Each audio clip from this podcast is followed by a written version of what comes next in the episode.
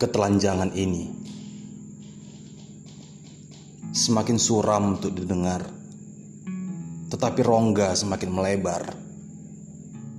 Manusia itu berkata kepadaku, "Lalu bagaimana denganku?" Yang seakan-akan dia lupa akan dirinya.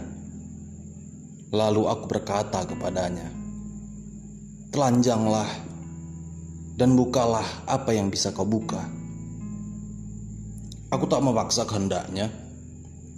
Bila mana ia ingin telanjang, dengan sukarela ia telanjang di depanku.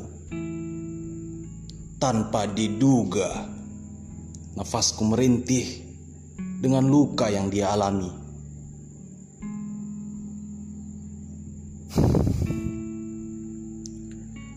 Aku tak sanggup untuk memegang karena aku tak punya apa-apa.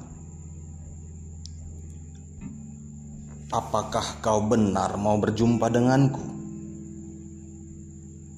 Aku tak mengerti apa yang salah dan apa yang benar.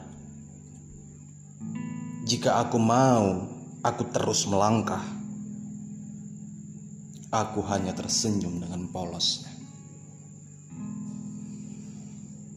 Seketika aku sadar Tak ada yang bisa disalahkan. Dan ternyata aku juga polos.